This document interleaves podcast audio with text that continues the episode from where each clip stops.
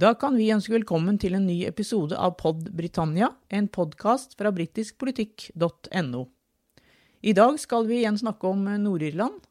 Den såkalte Nord-Irland-protokollen, som skaper en grense i Irskesjøen, har blitt en svært kinkig sak for den britiske regjeringen. Men den skaper også bølger internt i Nord-Irland, der det politiske landskapet er i endring. Det siste skal vi snakke mer om i denne episoden av Pod Britannia. Jeg heter Trine Andersen, og med meg i dag har jeg min medredaktør Erik Mustad.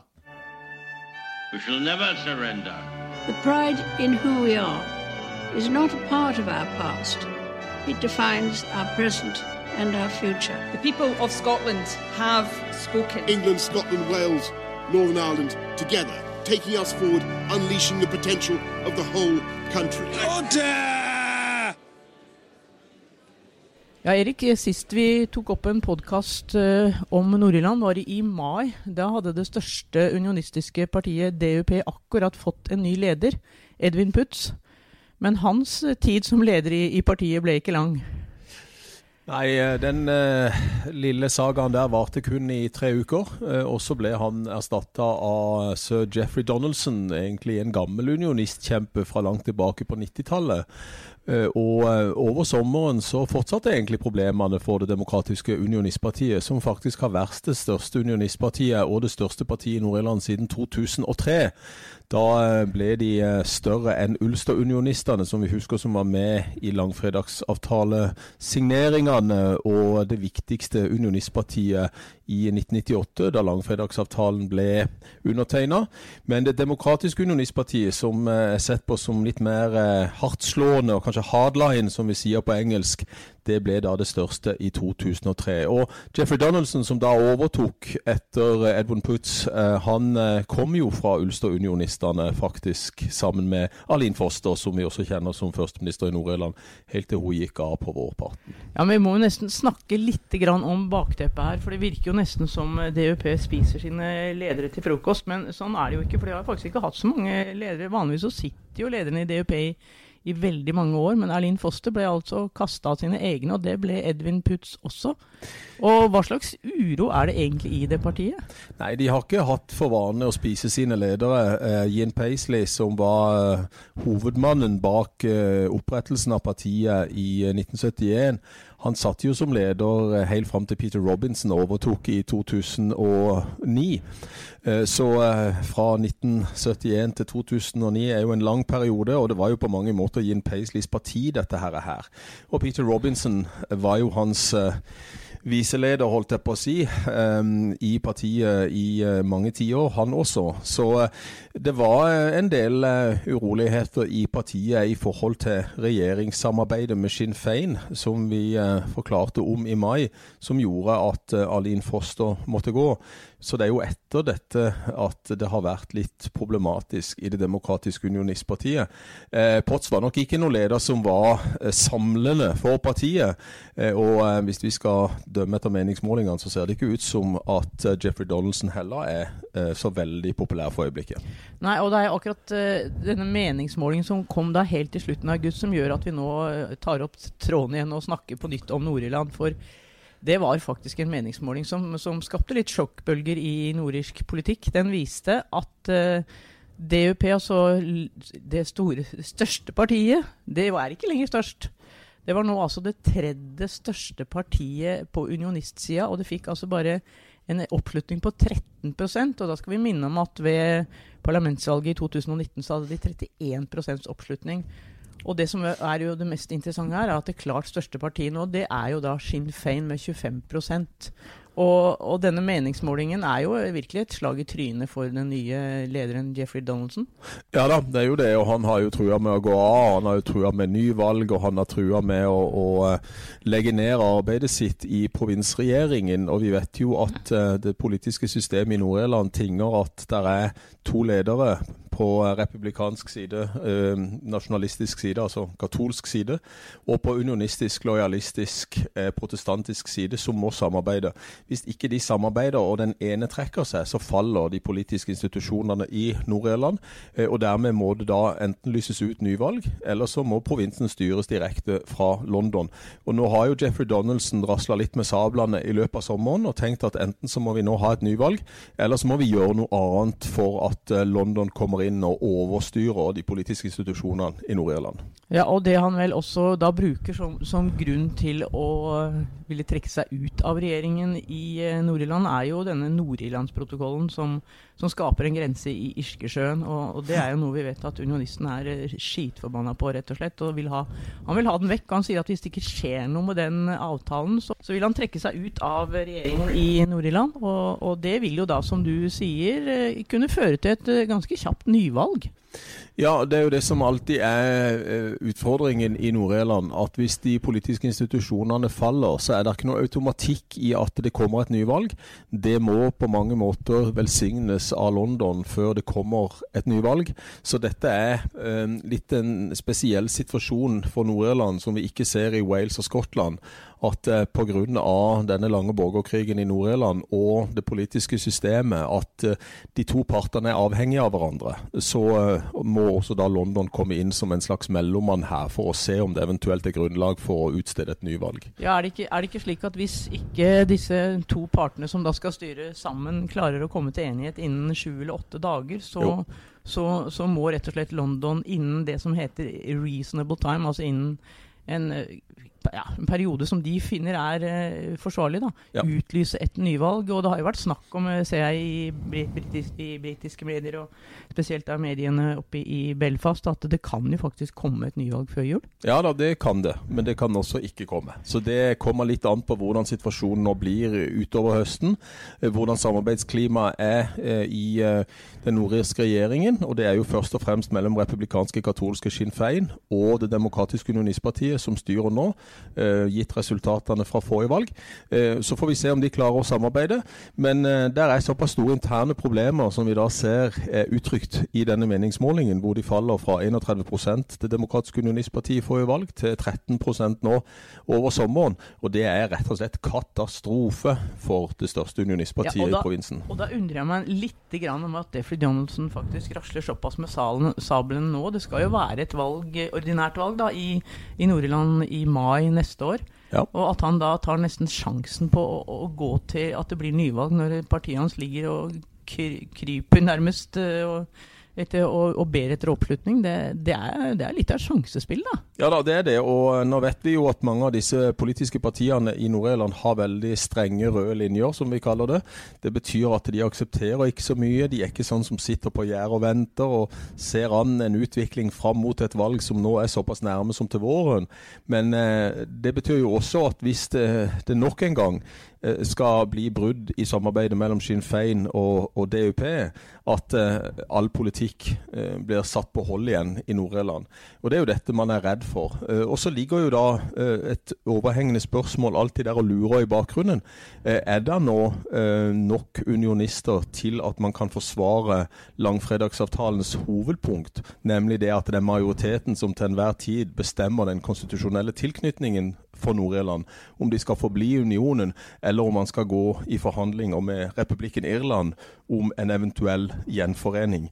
Og, og Det er jo da spørsmålet, hvis Sinn Fein nå ved neste valg blir det største partiet, er, er da den britiske regjeringen tvunget til å eh, utstede en såkalt border pole, altså et, et, et eh, en folkeavstemning om eh, konstitusjonell tilhørighet, om da, eh, da eh, Nord-Irland ønsker å forbli i union med Storbritannia, eller om det er et ønske om gjenforening med Irland.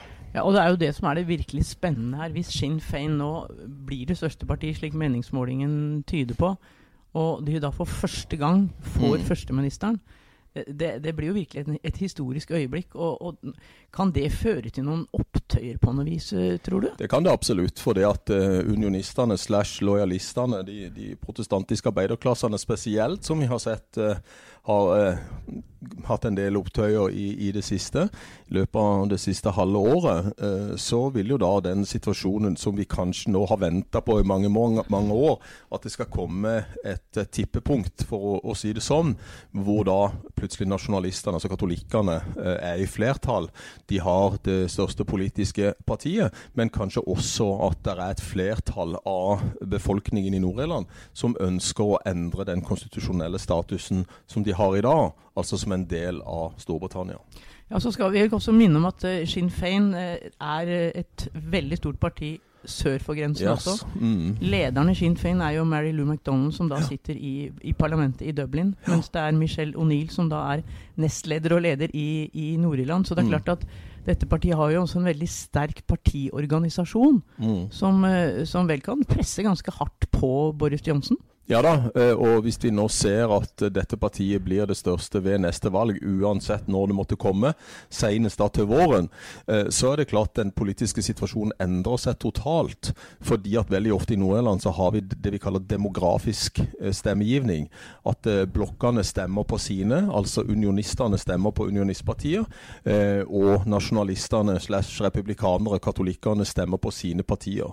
Og hvis det nå blir et såpass stort flertall for Sinn Fein, veien, ja, så må man se hva de republikanske nasjonalistiske partiene får på den sida, mot unionistene på den andre sida. For det vil gi en pekepinn på hvor befolkningen i Nord-Irland befinner seg. Eh, spesielt da i dette eh, konstitusjonelle spørsmålet. Men hvor, tror, hvor viktig tror du denne Irlands, altså denne nordirske protokollen er, som, som, skaper denne grensen i dag i mm. Irskesjøen, som, og som også var en av årsakene til disse opptøyene En av årsakene skal vi understreke til disse opptøyene vi så rundt påsketider i Belfast og jo andre nordirske byer. Mm. Og som da unionistene nå vil De vil kvitte seg med den. Og det har jo ført til at Boris Johnsen har blitt ekstremt upopulær i Nord-Irland. Jeg så den samme meningsmålingen som vi refererte til i stad. så var det altså hele 79% av folket i Nord-Irland som da mener at uh, Boris Johnson gjør en dårlig eller en svært dårlig jobb. Ja, Han er jo ikke populær der oppe, og spesielt uh, ikke blant unionistene. Han har aldri vært populær blant nasjonalistene, altså blant katolikkene, fordi at han er en konservativ statsminister. og Det konservative partiet har jo vært et såkalt unionistparti og har ønska de fire nasjonene sammen i den britiske unionen. Mens eh, unionistene har vært mer skeptiske til Labour. Eh, det så vi gjennom 90-tallet og gjennom fredsprosessen som endte i langfredagsavtalen i 1998. Eh, at Labour har vært mer Irland-vennlige og mer katolskvennlige enn det de konservative har vært. Men nå føler altså unionistene, spesielt med tanke på Nord-Irland-protokollen, at den britiske konservative regjeringen har dolka de i ryggen. Og hvis vi nå ser at de unionistiske partiene fragmenterer reduseres i forhold til oppslutning, og at dermed Sinn Fein blir det største partiet, ja, så endrer egentlig det hele Nord-Irland-spørsmålet. Protokollen er jo spesielt upopulær blant unionistene, men også blant en del nasjonalister. Så ønsker man da eh, å bruke protokollen politisk for hva det er verdt, for å prøve å tvinge gjennom en folkeavstemning, for å se om det nå er et flertall i forhold til en gjenforening med Irland. Men vi må fort legge til at det beror også på en folkeavstemning i Irland. Og vil og, de ha Nord-Irland? Nei, for øyeblikket er det veldig dårlig oppslutning fra Irlands side å innlemme Nord-Irland i republikken. Og det handler først og fremst om et økonomisk spørsmål. At uh, Vi vet jo at uh, den britiske regjeringen per i dag overfører 9 milliarder pund årlig til Nord-Irland.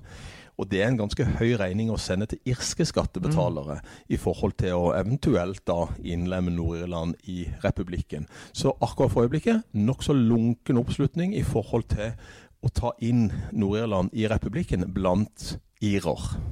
Men, men, tror du altså, Du snakket nå om hvor dyrt, dyrt det egentlig er for, for Westminster å overføringene over til Nord-Irland. Men tror du egentlig at Boris Johnson og, og politikerne kanskje i det konservative partiet og i sitt stille sinn bare tenker at oh, bare la Nord-Irland gå, det er bare trøbbel. Det har jo vært trøbbel her helt siden første dag har, jo, har jo Nord-Irland vært det som har virkelig skapt trøbbel for brexit-avtalen, og som har gjort at det tok år å få til en avtale.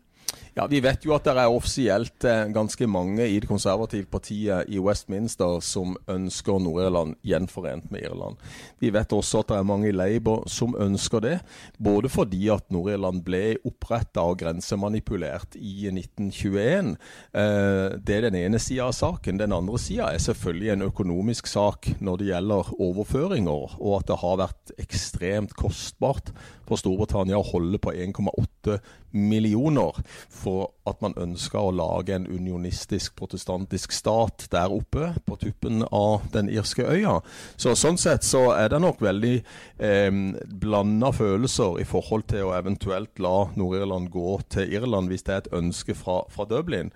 Men eh, samtidig så, så, er det da denne lille haken i Dublin at det foreløpig er, er lunken oppslutning fra irsk side. Og skal man da kunne komme til en gjenforening med eh, Nord-Irland og Irland, ja, så må det en mye større oppslutning til i Irland for at dette skal skje. Nå har jo vi snakka mye i de tidligere podene også om Skottland, og ja. om det kommer en ny folkeavstemning der om uavhengighet. Skulle den komme før en irsk border poll, som du, du sier? altså en en avstemning om et forent Irland. Hva slags eh, konsekvenser tror du det vil ha, eller påvirkning ville det kunne ha på en, en sånn uh, avstemning? Nordirske politikere som ønsker en gjenforening med Irland, de har sagt at det som funker for Skottland, funker også for Irland. Så hvis det skulle vise seg at det er et flertall for en skotsk løsrivelse ved en eventuell ny folkeavstemning i Skottland, hvis den kommer før Nord-Irland, som jeg kanskje tror det kommer til å gjøre, ja, så, så, vil det være en slags dominoeffekt antagelig for, for, Irland også.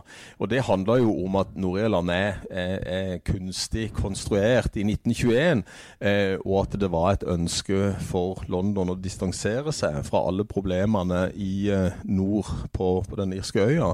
Og dermed så skapte man da denne staten, eller nasjonen Nord-Irland, som eh, ble eh, um, sexgrevskap i, i, nord, kalt Ulster, og da uh, Nord-Irland etter hvert. Og dette er jo da situasjonen i dag, at uh, man ønsker kanskje da å se på resultatet fra Skottland før man eventuelt går videre med Irland. Det ser ut til å være agendaen for London, at de uh, ser hvordan situasjonene utspiller seg både i Skottland og i Nord-Irland.